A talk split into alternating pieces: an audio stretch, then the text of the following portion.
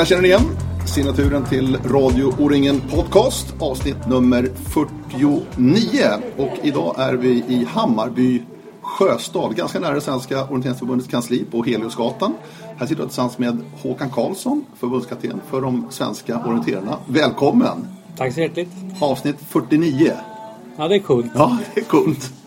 Eh, året 2015 är avslutat kan vi säga tävlingsmässigt. Världscuphelgen i Arosa i Schweiz var det sista som hände då. Men lite snö faktiskt på söndag morgon där innan sprintrelayen såg vi på tv-bilderna. Ja, det var häftig, häftigt väderomslag. Vi satt i bara överkropp och sola dagen innan i, på 2000 meters höjd och sen dagen efter så vräker ner snö. Så det är sånt man får räkna med kanske när man är på så hög höjd i Alperna. Mm. Det här avsnittet ska vi naturligtvis titta framåt nästa år. Det är ett stort år för de svenska orienterarna. Det är ett VM på hemmaplan i Strömstad i slutet av augusti månad. Mm. Men om vi stannar upp här 2015 som är tävlingsmässigt avslutat med Håkan. Vad, vad, är din övervägande känsla om du kan sätta en rubrik på det här året för de svenska landslagsorienterarna? Ett häftigt år. Många som kliver fram. Och ganska mycket skador. Mm. Um, en berg och dalbana skulle jag säga har året varit. Med ja, minnen från VM att lite strulig tid innan och även under med en del ja, skador och andra återbud. Men ändå så gör vi ett väldigt bra VM resultatmässigt och har ja, som jag är väldigt glad och stolt över också. Väldigt fint landslagsklimat och bra, ett bra VM. Trots att det var en tuff, mm. tuff period med mycket skador. Mm. Så att det, är, ja, det är kul. Det blev en lång rubrik det där. Ja, det var ingen berg och Berg och dalbanan kör vi då. Det är väl ganska bra faktiskt, berg och dalbanan. Mm. En härlig berg och dalbana, får ja. jag lägga till det då? Ja, verkligen. verkligen.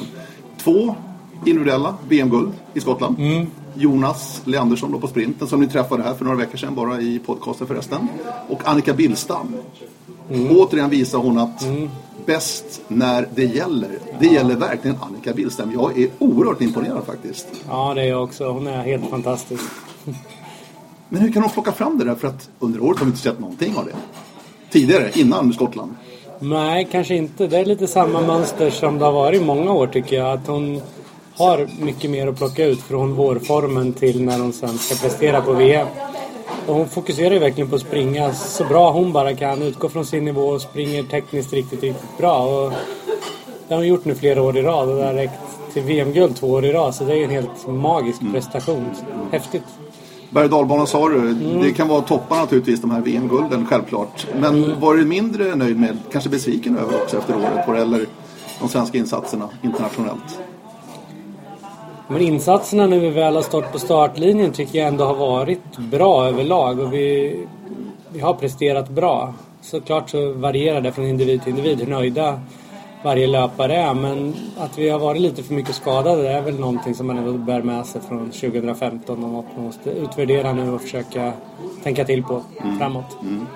Eh, en sak jag tänkte på vad det gäller året, kanske inte helt unikt för år, men ändå, du tog ut VM-löpare ganska tidigt i år, innan Skottland. Mm. Vad, vad var den tanken med det? Är det någonting du tycker är bra fortfarande eller är det någonting som du kanske ska omvärdera? Nej, inte omvärdera. Snarare är det likadant i år igen. Och jag har väl försökt haft den tanken egentligen de sista åren. Sen har det sett lite olika ut beroende på hur de internationella tävlingarna i övrigt har legat innan. Så att jag tror på en tidig uttagning för att prestera så bra som möjligt på VM. Att man vet vilka distanser man ska fokusera på i huvudsak och kunna göra den specifika träningen. Mm. sista, ja, det här året blir det, eller nästa år, två och en halv månad innan då. Eller i varje fall två. Man vet vilka distanser man ska springa och kunna förbereda sig optimalt för att vara som bäst just där. Mm. Vi har ju många löpare som konkurrerar om platserna och är duktiga så det är ju inte givet att man springer ett VM på en specifik distans i det svenska laget. Mm. Så därför så tror jag det här är en bra modell. Mm. Du, kan du försöka klä dig i ord någonstans? Hur, vad är det för skillnad så att säga? Att springa en Swedish League-tävling i Åmål till exempel där Fredrik Johansson sprang väldigt bra i våras, långdistansen. När man sen kommer ut internationellt. Vad, vad är den stora skillnaden så att säga för löparna? De här två olika tävlingarna. Så, bägge håller hög klass, men mm. ändå. Vad är skillnaden alltså, om du skulle försöka beskriva det? Ja, det ska jag försöka beskriva ja. naturligtvis. Ja, men motståndet är ju ett helt annat naturligtvis. Det är ju alla är som bäst på ett VM och har toppat sig dit. Och så är inte fallet på de tävlingarna tidigt på våren. Varken för våra svenska löpare eller för någon annan egentligen. Så det är ju naturligtvis en stor skillnad och det vet ju, det vet ju alla om att det är på VM det gäller och det är där vi mäter vår prestation. Vem som är bäst i världen. Så det är ju en stor skillnad. Annars, när vi väl är ute och springer orientering så är det ju samma sak egentligen. Det är inga konstigheter. Men det är ju mer runt omkring. Både mediatryck på oss och press både inifrån och från andra. Så att det är väl den stora skillnaden. Men hur stor faktor är det huvudet på löparna tror du? På den här nivån nu. Nu är de väldigt duktiga alltså. Mm. Våra löpare i det svenska landslaget. Det är liksom inga duvungar. Men hur stor faktor är det? Att man vet då att det finns en Mattias Geburt, det finns en Daniel Hopman, det finns en Thierry Chouchou. Och damsidan har vi också sammalunda. Hur mycket påverkar det huvudena på löparna tror du? Att det, de vet det? Ja men det är naturligtvis väldigt olika. För vissa kan det säkert vara att eh, fokuseras lite på, eller det vet jag att det är, att det fokuseras lite på motståndarna och deras prestationer. Medan andra struntar helt i det och bara fokuserar på sitt. Och det, det är olika och något vi naturligtvis är medvetna om och försöker jobba med. Men det är en individuell idrott och alla fungerar olika? Så är det definitivt.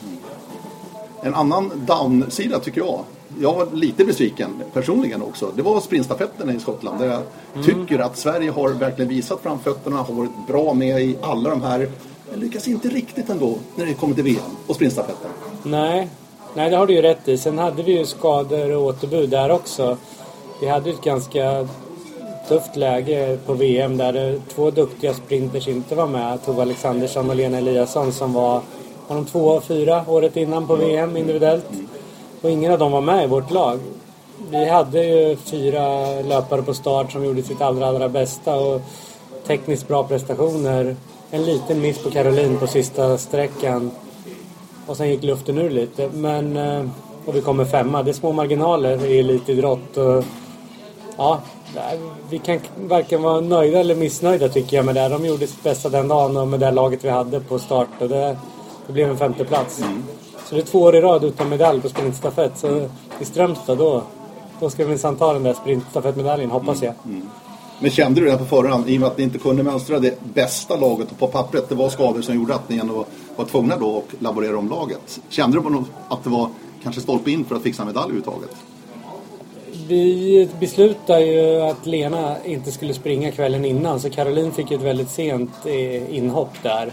Och jag sa ju redan innan att mellan trea och sjua tyckte jag var realistiskt att vi skulle komma. Och trea då naturligtvis om det gick väldigt bra. Och sjua kan det fortfarande vara en okej okay prestation. Men, så det blir mitt emellan om en femteplats. Så jag tycker det var ungefär som förväntat. Schweiz och Danmark hade väldigt, väldigt starka lag. Sen skulle vi vara med och slåss där. Och det var ju Ann-Margareta Hausken och Galina Vinogradova på sista sträckan som hade väldigt, väldigt bra fart. Så att, ja, så var det andra VM nu med sprintstafett. Har disciplinen satt sig tycker du? Har den hittat sin rätta form? Ja, jag tror nog det. Den är, den är häftig att följa. Spektakulär kan jag tänka mig från sidan. Och, jo, men jag tror den har satt sig och fyller sin plats. Sen är det ju alltid beroende på olika löpare individuellt så prioriterar de ju den olika högt och vi har en dialog med varje löpare om hur man ska tänka på den totala belastningen på VM-programmet och det beror ju lite på hur arrangörerna väljer att lägga den i förhållande till andra distanser och så. En del verkar ju prioritera den väldigt högt och vissa gör inte det. Så är det ju. Vi kommer tillbaka till det här med VM-programmet som är lite olika från år till år faktiskt. Där mm. Inte verkar ha liksom någon styrning på det utan det är upp till arrangören väldigt mycket. Ja. Det är min känsla. Ja. Vi ska återkomma till det men vi ska stanna kvar här med skadorna. Okay. Som ändå har varit ett, en tydlig signum det här året faktiskt på väldigt, väldigt starka. Fredrik Johansson, numera Fredrik Backman då. Mm. Eh, fick ju problem med sin fot i Dalarna i maj. Ja. Samma med Swedish League i Säter. Sen har vi också Tove Alexandersson med sin fot under sommaren. Som inte blev bra på hela hösten egentligen. Mm. Lena Eliasson i samband med VM. Mm. Ja, det var egentligen innan VM hon skadade sig mm. men slog upp det ordentligt under VM. Mm. Finns det någon gemensam nämnare här? Hur, hur, hur jobbar ni med skador preventivt och så här? För att det här är ju en viktig fråga verkligen att ha topplöparna skadefria. Absolut, det du säger är ju ja, det, är, det är ju verkligen så att den största framgångsfaktorn är att vara hel och frisk. Få kontinuitet i träningen, det är då man utvecklas och kan springa bra. Så är det ju. Sen är det svårt. Det är tre fall. Jag visste lite mycket och det... Det är svårt att generalisera något utan de är egentligen tre ganska olika fall. Och det viktiga lärdomen är väl att vi ska försöka vara hela och friska över tid. Det är ju det absolut viktigaste. Det tycker jag man kan säga. Hur, hur liksom, ur ett löparperspektiv. De jagar, om, till på våren här till exempel. De jagar en plats till VM. Och har inte, inte råd att liksom, ta det försiktigt och sådär. Utan grejer kan ju hända naturligtvis. Men liksom, hur, hur fungerar de? För att de måste ändå vara rädda för att skada. Eh, inte rädda, men alltså den, den finns ju hela tiden en risken. Att ändå skadas. Är det någonting man tar hänsyn till de här löparna på den här nivån tror du? Att man ändå tar det försiktigt. Nej, jag kan inte skada mig nu liksom. Jag ska vara bra till VM. Det är nog samma sak där egentligen, att det är väldigt individuellt hur man funkar i de där situationerna. Men det jag önskar är naturligtvis att det långsiktiga tänket alltid är viktigare än det kortsiktiga tänket. Det kommer ju VM fler år och hälsan ska gå före prestationen är vår policy i landslaget. Så att, eh, och det tror jag också ger bäst resultat för laget över tid om vi kan eh, se till att vara hela och friska. Fredrik Johansson, Backman då, eh, han lämnade ju åter tidigt Mm. i juni månad så att det var ju liksom öppet där. Du laborerade om laget. Lena Eliasson gick ju sönder samman i sprintkvalet i Skottland. Ja, hon hade ju slagit Hon hade redan slagit upp redan innan, men då, då, då var det ju den här frakturen då. Ja, Och Tove Mm. var ju inte riktigt hel när hon åkte till VM. nej. Men Faktiskt samma dag springa. som hon och Lena slog i sig Ja. sin, sin tå innan VM, strax innan där. Men om vi tar fallet Tove då, Alexandersson, Mm. som ändå var, hade varit favorit på varenda sträcka hon hade ställt upp i. Så är det ju. Mm, en av dem Ja, en av dem. Ja, Mm. men en av dem. Hur, hur liksom håller du emot henne för att liksom hantera att hon kanske vill springa, men du kanske tycker att den, nej, det här är inte bra än. Eller hur fungerar det där? Men vi har ju, med på VM har vi ju fantastiskt duktiga medicinare, både naprapat och läkare som är med. Så vi tillsammans gör ju en bedömning från dag till dag hur läget är med Tove. Och eh, hon är ju klok själv också. Ingen tjej som skulle eh, ödelägga sin karriär för att kortsiktigt springa ett VM. Så hon är väldigt förståndig. Så att vi, jag tycker vi hade en bra dialog under VM. Sen är det lätt att vara efterklok på beslut hit och dit. Men med den information vi hade och som känslan var så tycker jag att vi hanterade den situationen bra. Sen är det naturligtvis jätteoturligt att Tove inte fick springa mer än vad hon gjorde och fick ju verkligen inte göra sig själv rättvisa men jag har haft ett möte med Tove idag och planerat nästa år. Och hel och frisk och det kommer bli ett väldigt bra år nästa år för Tove, det är jag helt säker på. Men alla tre de här som jag pratar om nu som inte har haft eh, tydliga skador under året, Fredrik, Lena och Tove, de kommer vara fit for fight till nästa säsong, är det känslan? Ja, det tror och hoppas jag definitivt. Det är min känsla. Ska vi blicka fram mot nästa år då? Absolut. VM i Sverige. Gör du någonting annorlunda? Alltså jämfört med hur, hur du har jobbat de här åren du varit inne i den här branschen nu. Just beroende på att det är ett VM på hemmaplan i Sverige. Med allt vad det innebär. För dina löpare och för dig själv också. Ja, nej, det är ju först och främst otroligt häftigt att få uppleva det. Det är ju något... Redan när jag innan 2011 fick förtroendet att ta över huvudansvaret för landslaget så, så pratades det om att söka. Jag tror vi sökte första gången 2011 och inte fick det. Och sen fick vi det 2012 för att ha det 2016. Då. Så det har ju funnits i mitt medvetande och är något som jag verkligen, verkligen ser fram emot och hela tiden har haft mitt medvetande att jobba långsiktigt mot. Sen är det konkret när vi har jobbat varje år så har vi en väldigt seriös plan mot varje VM. Så så stor skillnad blir det egentligen inte. Vi har åkt på läger ungefär ja, de sista två åren till Sverige precis som vi hade gjort i Italien eller Skottland på samma sätt. Så, så på så sätt blir det inte så stor skillnad. Sen är det klart att det är en fördel där på hemmaplan. Det blir väldigt enkelt att åka på de här extra träningslägren för löparna. Och vi kommer liksom försöka sy ihop så det finns ett flexibelt upplägg med träningar där nere. Och kanske ha någon mer pre-camp, någon mer läger inför. Men inte så jättemycket. Utan jag tror vi har en modell vi tror på med några samlingar där alla är med och sen att det är ganska mycket flexibilitet utöver det där löparna får välja själva om de vill vara i relevant terräng eller om de har det bättre någon annanstans för att förbereda sig optimalt för VM. Hemmafördelen då? Vad ligger i hemmafördelen för ett svenskt orienteringslandslag? Vi är ju ett av de två länderna skulle jag säga som har hemmafördel. Tittar man på det så har ju Norge säkert större hemmafördel än vad vi har. För man plottar vart alla löparna bor i det norska landslaget och var de svenska bor så har ju definitivt de norska löparna närmare och mer relevant terräng där de bor än vad de svenska har. Så det är väl mer Norge som har hemmaplan, men vi har ju också det naturligtvis. Vi behärskar terrängen väldigt bra, haft värdetävlingar där. Många som har tränat i liknande terräng. Det är ju en jättefördel naturligtvis. Det terrängspecifika. Vi är trygga med vad som väntar. Så det ska vi dra nytta av naturligtvis. Och frågan är vad, vad som väntar. Hur mycket vet du i det här läget Håkan vad som väntar? Hur, hur pass informerade är ni? Vad, vad, vad liksom ni luskat ut så här långt av det som finns då i bulletinerna och informationen? Ja, men som vi har gjort de andra VM-åren så har vi ju haft några läger där vi har tillsammans gjort en kravspecifikation på vad som väntar.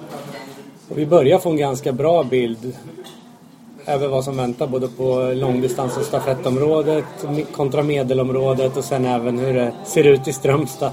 Så att vi har en bra bild tycker jag över det som väntar.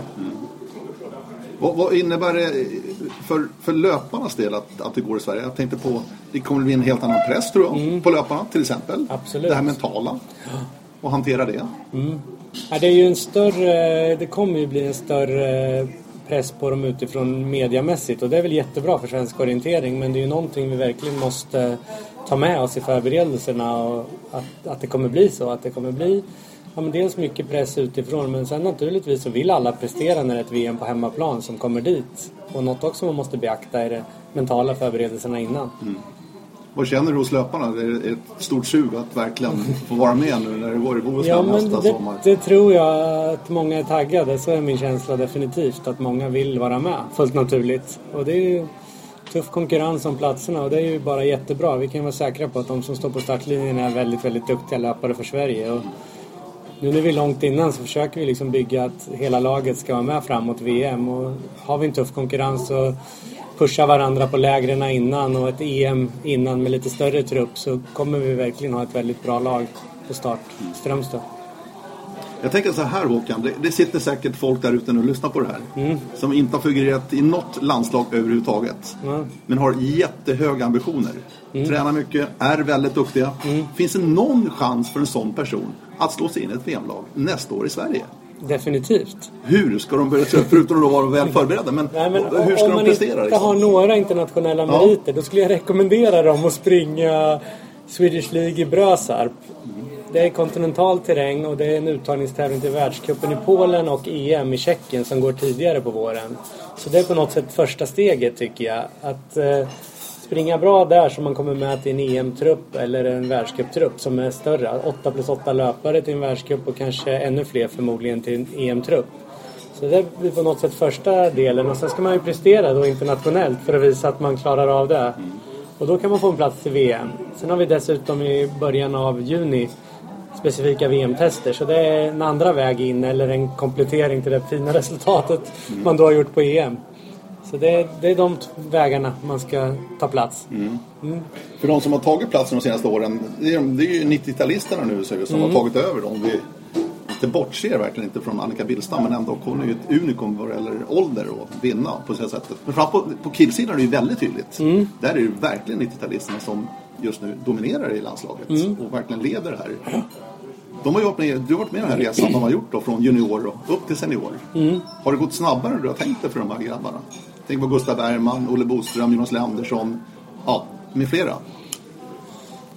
Nej men ungefär som förväntat skulle jag säga. Och då, deras resa har ju sett lite olika ut också vilken takt de har tagit stegen mot världstoppen. Men nu är de ju 25-26 år och det är ju nu de ska börja kunna hävda sig egentligen tycker jag. Och de har ju sina kanske bästa år framför, framför sig allihop. Fast de har ju gjort helt otroliga prestationer hittills på VM också så är det ju nu de börjar eh, ja, blomma verkligen och på pappret ska kunna hota Lundanäs, Hubman och Shishu som har dominerat ja, herrorienteringen sista. Så alltså, det, det ser spännande ut inför VM i Sverige och de åren efteråt också. För den där generationen. Mm. Och som sagt, de är fler än de som har varit med nu också. Så det är många som kan vara med och fightas. Nu ska jag vara lite personliga, men det var nästan den roligaste medaljen tycker jag på VM. Det var Olle Boströms Ja. bronspeng på medeldistansen. Med hans resa också. Efter VM i Frankrike då sexa på långdistansen. Man såg framtiden verkligen bara och som ett öppet ark för Olle Boström. Och så fick han ju jätteproblem ja, det är helt och är tillbaka. otroligt. Vilken resa han har gjort alltså. Det, nej, det, var, det, var, det var faktiskt emotionellt måste jag säga, den medaljen han tog där. Ja men det var det för mig med verkligen. Han har ju verkligen ja, från i vintras när han satt och funderade på hur han skulle få ihop världsrankingpoäng för att för överhuvudtaget inte starta först i startlistorna på internationella tävlingar. Och sen får han en... Faktiskt, han var inte uttagen till världskuppen i medeldistans i Munkedal två månader innan VM utan han hade reservplats dit och så blev det ett återbud och han fick springa som nionde gubbe och sen så hans form bara kommer mer och mer och så på VM slår han till och springer så otroligt bra. Det är, ja, det är häftigt att han är tillbaka i världstoppen och fick göra det där loppet. Det är coolt. Ändå inne på det här ämnet med herrarna, vi ska prata damer också, men eh, herrarna. Senaste skogsguldet Sverige tog, mm. och du pratar långdistans, kortdistans, medeldistans. Mm. I 1995. Ja. Jörgen Mårtensson, guld i Detmold i Tyskland. Mm. Då var jag på plats och hejade på Jörgen. Ja, men inte ett herrguld sedan dess. På skogssidan. Sprint har vi ju varit väldigt, väldigt duktiga på i VM-sammanhang. Mm. Men vad beror detta på? Och när kommer det framförallt?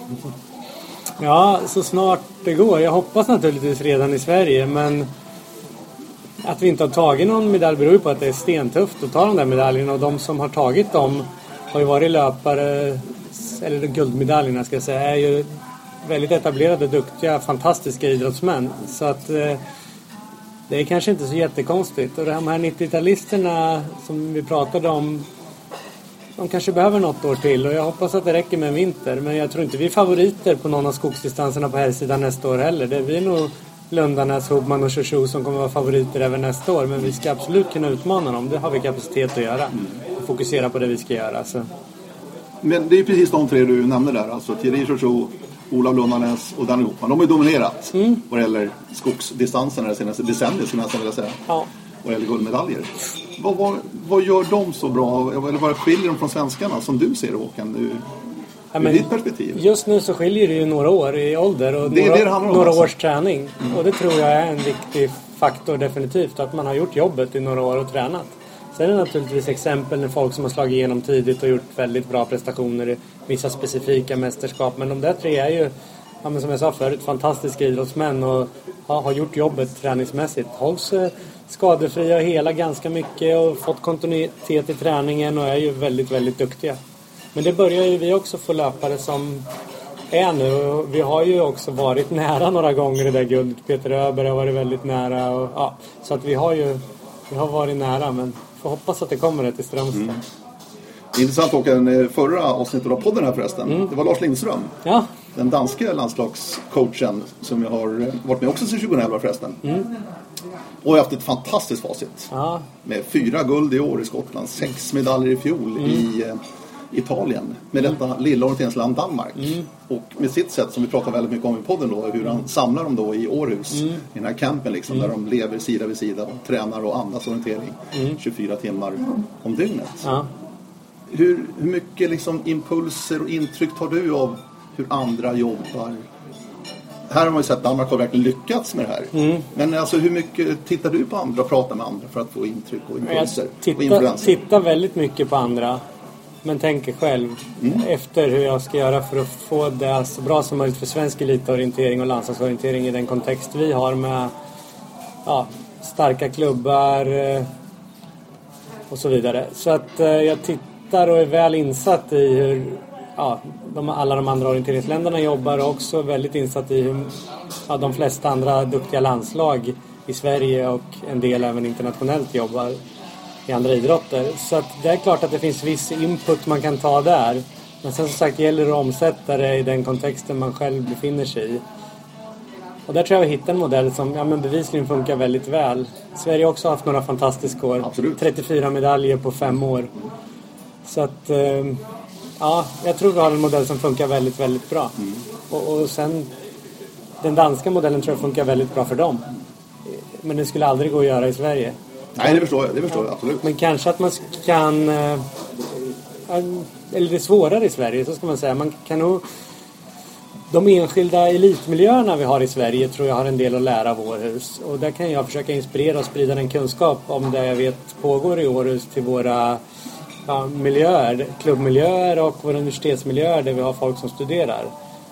För att bygga ett, en stark grupp som tränar tillsammans, det tror jag är jätte, jättebra. Som du säger, andas orientering 24 timmar om dygnet eller i varje fall tränar ihop och seriösa. Det tror jag är viktigt. Men vi kan inte samla det på ett ställe i Sverige. Vi har för många studieorter, för många starka klubbar. Ja, så, så att det kommer inte funka. Men, men att höja kvaliteten på våra, våra miljöer är ju viktigt naturligtvis. Mm. Hur, hur, hur, fungerar du för löparna? Jag tänkte, det är ju en viss när du är ute och reser. Nu i mm. Schweiz till exempel förra helgen, då är du med, med, med löparna. Mm. Men nu när du kommer in i en vanlig vecka till exempel. Mm. Hur, hur liksom jobbar du mot de aktiva som du har då i, i ditt lag? Mm. Alltså har du kontakt med dem varje vecka, varje dag? Eller som, hur, hur funkar det här? Det är lite olika. Jag har försökt att behovsstyra det så mycket det bara går. Så att det är allt ifrån sådana som jag har kontakt ungefär en gång i veckan med till de som jag pratar med sig på månadsbasis och stämmer av mer övergripande. Och vissa försöker jag hjälpa jag, jag, jag försöker hjälpa alla med att få upp helheten på ett bra sätt utifrån det nätverk jag har med landslaget och där jag vet finns i den miljö de bor i. Försöka skapa så optimala förutsättningar som möjligt just för den individen. Beroende på vilka pusselbitar som den behöver jobba på. Om det är fysiskt, tekniskt, mentalt eller så försöka hjälpa till att lägga det där pusslet. Det är min ambition att göra med alla landslagslöpare. Sen eh, beroende på vad de själva vill och vad de har för behov så kan jag finnas tillgänglig också. Men jag tror att det optimala är att ha många Århus, om jag nu får säga så. Många starka kompetenscentra runt om i Sverige som jag kan ha kommunikation och dialog med. Men att, att den vardagliga stöttningen finns hos någon annan i hemmiljön. Och att jag blir mer övergripande. Men sen som sagt, när det gäller det som väntar på nästa mästerskap så har jag mycket kunskap som inte de har på hemmaplan och det måste till en kommunikation. Och individen måste hela tiden vara i centrum och man styr utifrån vad den behöver just då. Så det ser väldigt olika ut. Vissa som jag kan hjälpa lite mer ingående med psykologiska frågor och vissa som jag kan hjälpa lite mer ingående med eh, orienteringstekniska saker. Och vissa där jag kollar mer på träningsdagboken och det fysiologiska. Så, så, det ser väldigt, väldigt olika ut från löpare till löpare. Mm. Och hur är det för löpare till löpare? Har de, har de egna tränare allihopa mm. eller något bollplank, mentor? Alltså, hur ser det ut där då? Det är lite olika. Ambitionen från min sida är att de ska ha åtminstone någon person som de bollar med. Och hittar de ingen får det väl bli mig då. Mm. Men eh, gärna någon på hemmaplan. Och sen beror det lite på vad de har för kompetens själv och vilka områden som de behöver stärka eller vill jobba mer med. Så jag skulle säga att många har någon de bollar med. Och sen kan det vara lite olika personer. Det behöver inte vara en ren fystränare för vissa vill ta ansvar för det själva. Så det ser lite olika ut. Men att de ska ha någon tror jag är bra ändå. Och kanske att vi faktiskt borde gå lite mer mot lite mer tränarstyrt än vad vi har haft historiskt i orienteringen i Sverige. Ja, du tycker det? Alltså? Ja, det tror jag. Mm. Sen ska vi absolut inte gå dit friidrotten är eller dit Danmark är för den delen i orientering utan vi ska nog hitta något som passar oss. Men en liten förskjutning, om jag bara generaliserar, så tror jag man skulle kunna gå lite mer åt tränarstyrda hållet. Mm. Men din känsla är ändå att löparna som är i, i ditt landslag då Håkan, de, de är väldigt de är mogna, de, de mm. begriper hur mycket, var de ska träna och den biten, så det har de lärt sig. Ja, ja, men det är också det är svårt att svara ett enkelt svar på ja. den frågan naturligtvis. Men att det är helt fantastiska individer som är otroligt smarta och duktiga på det de gör. Det är ju, så är det ju naturligtvis. Men sen kan man alltid behöva hjälp ändå. För just bolla och sätta ord på det man tänker. Att det blir mer genomtänkt och ännu tydligare vad man verkligen ska göra. Så det kan vara nyttigt för alla, tror jag. Du, jag vet inte om vi pratar om det, det här är andra gången du är med i podcasten förresten. Ja, vi träffades i Onnabo där för något, ja. ett och ett halvt år sedan. Vilket nummer var det? Ja, det kommer jag inte ihåg ens. Ja, jag har ingen aning, det här är nummer 49 i alla fall, så ja. mycket vet jag. Eh, jo, det... Nu tappar jag spåret här. Jo, det var det jag var inne på. Eh, specialiseringen. Mm. Där vi var inne på det. Sverige har varit väldigt framgångsrika på sprintsidan. Ja. Emil Wingstedt, mm. nu har vi Jonas och Jerker, för att nämna några bara. Mm tror den kommer mer och mer ändå, den här specialiseringen. Eller är det fortfarande så? För nu såg vi Jonas sprang i långdistans i norra Skottland till exempel. Mm. Bara en sån sak. Mm. Som sprintvärldsmästare. Ja. Kommer det fortsätta vara så tror du? Eller kommer det bli mer specialiserat?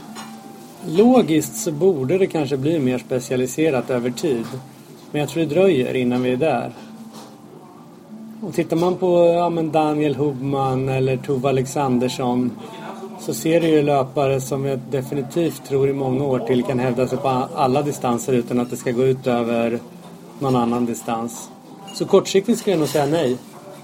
Men ja, vi får se vart vi är om tio år. Jag, jag ser inget liksom behov av att peka med hela handen och försöka kategorisera några löpare i fack redan nu. Utan jag tror... Ja men det gör du väl ändå när du tar ut laget? Alltså du ser ju liksom Ja, att jo, jo. Jonas och Erik, ja men det är Ja. klart de ska springa sprint. Ja, Liksom, men själv, det, så är det ju. Självklart, men ja. jag tänker nu under vinterträningen så, så, så, behöver de liksom inte bestämma sig. Utan jag tror man kan bygga en ganska bra bas. Som, som sen när de får ett uttagningsbesked två månader innan VM går att skruva till lite. Eller de märker säkert själva när tävlingarna drar igång i vår vart de har sina styrkor. De, de har ju naturligtvis olika fokus. Vissa satsar bara på skogsdistansen och vissa på sprint. Och det är helt okej och då, då försöker jag förstärka det naturligtvis att det är bra. För jag tror inte det är något negativt att vi har olika löpare. Vi skulle ju mycket väl kunna ha olika löpare på alla distanser nästa år på VM och det är bra. Men jag, jag vill inte stänga några dörrar till att några löpare ska kunna springa fler distanser och kombinera. Så att lite flexibilitet där tror jag är bra, som med allt annat. Vi har haft några väldigt duktiga junior, eller väldigt framgångsrika junior-VM de senaste Mm. åren. Hur ser du till att de här slussas in på ett bra sätt också? Eller hur svensk orientering Mm. sköter det här att slussa in dem i senior? För att det är ett enormt stort steg att ta. Ja, det är det definitivt. Och vi har ju senaste åren haft ett utvecklingsgrupp eller utmanargrupp eller utvecklingslandslag har hetat lite olika. Och det är just för att verkligen de ska få lättare att ta det där steget. Så att vi har haft ganska stora landslagsgrupper och kommer nog fortsätta ha det också. Sen är det naturligtvis så att de bästa får mer resurser men, men ändå ha ett inkluderande klimat att vi försöker verkligen få med de här. Så dels det är stora landslagsgrupper, sen har vi ju många öppna landslagsläger där de får komma och vara med och, och matcha mot de allra bästa. Jag har ett jättebra exempel från nu i veckan, igår kom de hem från Schweiz, ett sprintläger när juniorer, unga seniorer var med och matchade i sprint mot eh, Gustav Bergman, William Lind och Galina Vinogradova var med och sporrade också. Så det tror jag också är en viktig del. Så Sen handlar det om våra elitmiljöer. Har vi starka elitmiljöer efter man slutar gymnasiet, att, det, att man kan söka sig till något ställe, antingen till en stark klubb eller till en högskola eller universitet som har en bra tränare och att det kan bli en bra miljö där. Där tror jag också är en nyckel för att verkligen få dem att fortsätta utvecklas. För det är så att det är tuff konkurrens. De, alltså, det är inte många som kommer gå från junioråldern som juniorstjärna och så direkt in och springa ett VM på hemmaplan nästa år. Det är, det är väldigt få som ens tänker den tanken skulle jag tro. Ser du någon skillnad eh, tjejer, killar, damer, herrar just nu? Liksom, Eh, tänker du utifrån... Nej, jag tänker det- hur rent hur det det ser ser ut? ut, liksom, Ja. Mm. alltså hur, hur, hur, hur de här grupperna ser ut då, killarna för sig och tjejerna för sig så att säga, just nu. Annika avslöjade nu häromdagen bara ju att hon, nu, nu är det färdigt. Det blir Mm. Inte. Sverige och VM nästa år som slutpunkt utan Nej. hon var färdig med det här nu. Ja. Nu vill hon liksom dras tillbaka. Det, och det förstår jag. Det, Ja. Nej, men tittar man på grupperna så är de väl hyfsat lika ändå tycker jag. Det finns eh, ja, en grupp mellan 20 och 25 både på herr och damsidan, 20 och 26, 27 och sen är det några lite äldre som är med och kryddar det där med erfarenhet och så att Nej, jag tycker väl det ser ungefär likadant ut. Och några liksom riktigt vassa juniorer som kliver upp och blir senior eller nyblivna. Så att, ja, nej, det, jag tycker det ser väldigt bra ut som du säger. Många bra junior-VM. Vi har sprungit Euromeeting nu nyss i Estland och gjort jättebra resultat från många löpare som inte fick chansen på världscupsavslutningen också. Så att vi har, vi har ju en väldig bredd. Sen gäller det ju att, ja men som nu när Annika Billstam slutar, det krävs det ju att, eller krävs, jag hoppas att någon av alla de här duktiga damerna som är nivån under kliver fram. Och i och med att de är 10-15 stycken som är på samma nivå så ska ju någon eller några blomma ut verkligen till nästa år tänker jag. Så att, eh, jag tycker det ser bra ut på herr och damsidan. Eh, innan vi kommer in på ämnet O-ringen, det ska vi verkligen göra för att Ja. det är ju rätt speciellt nästa år för det svenska landslaget också. Jag, jag kan inte låta bli det här och släppa det här med Jörgen 1995. Ja. Hans långdistansguld där, senaste guld alltså på här sidan eh, i en skogsdistans. Eh, och just långdistansen, där är ju sämre, där är det ännu sämre. Och liksom plocka bort medeldistansen, för där har ändå Peter varit och, Ursäkta, Peter var på pallen. Utan det var till 2004 när Wagnes var på pallen. Emil Ringstedt 2003 i långdistansen. Och vi såg nu Aros också, de här tuffa banorna. En riktigt tuff långdistans. Att där är inte Sverige riktigt med. Och så har känslan varit det senaste decenniet faktiskt. Att Inte riktigt på långdistansen. Nej, det känns väl som att det är ett kliv till på herrsidan på långdistans. Men är det någonting ni pratar om det här? Liksom, att försöka liksom, nå fram där? Alltså Fredrik Backman Johansson har ju en otroligt ambitiös satsning på just långdistans. Mm, och den är jättespännande.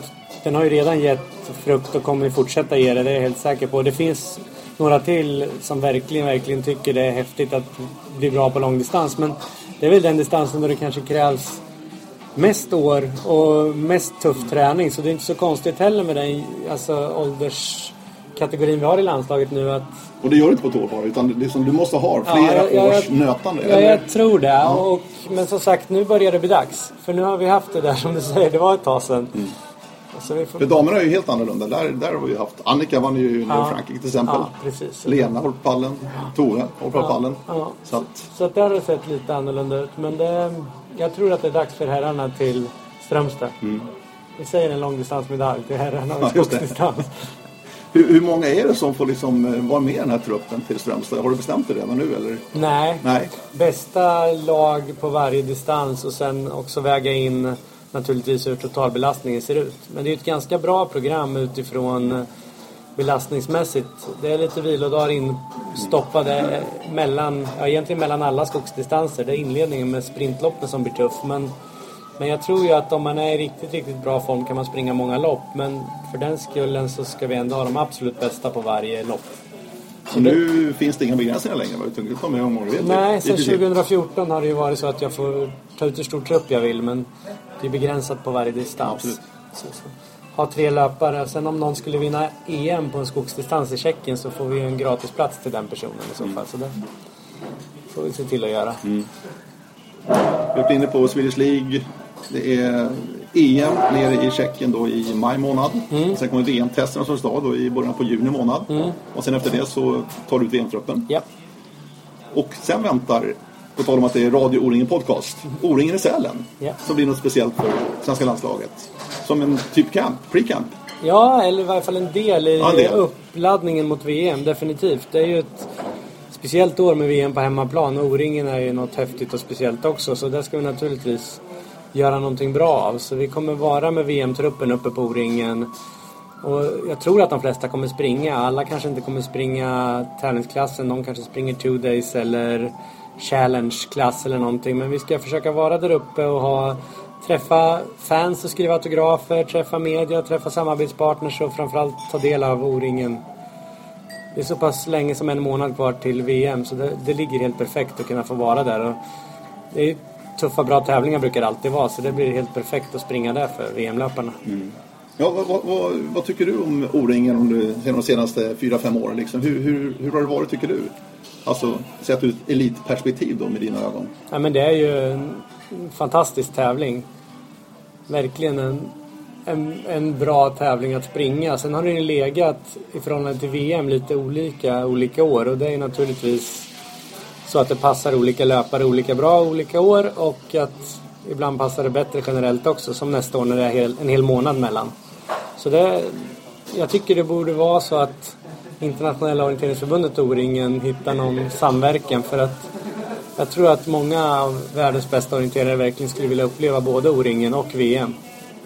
Ja, du är inne på det alltså? Ja, jag Alltså tycker- typ en del av världscupen eller? Ja, det vet jag inte vilken form man ska ha. Antingen anpassa programmet eller lägga det i tid eller, eller en del av vär- världscup. Jag har inte tänkt de tankarna så långt. Men att, att det vore en häftig upplevelse att ha både O-ringen och VM att se fram emot för de bästa orienterarna. Det tycker jag vore, inte bara från Sverige utan från alla länder.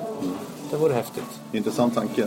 En annan intressant aspekt med det är ju att är det någonstans man kan faktiskt tjäna lite pengar på att springa bra orientering så är det ju O-ringen. Mm. Ja. Och det är inte helt oväsentligt för de här elitorienterarna Håkan för att alltså, de är inga miljonärer. Nej, så är det ju. Vi har ju tyvärr haft problem med att få in externa pengar och vi har minskade anslag från RF också. Så landslagsbudgeten har ju, har ju bara minskat de senaste åren. Och, och vi har haft tuffa förhållanden för löparna och fått ihop det på ett bra sätt. Resultaten har fortsatt komma men vi har fått kämpa hårt. Och, och ekonomin är ju något som löparna sliter med naturligtvis.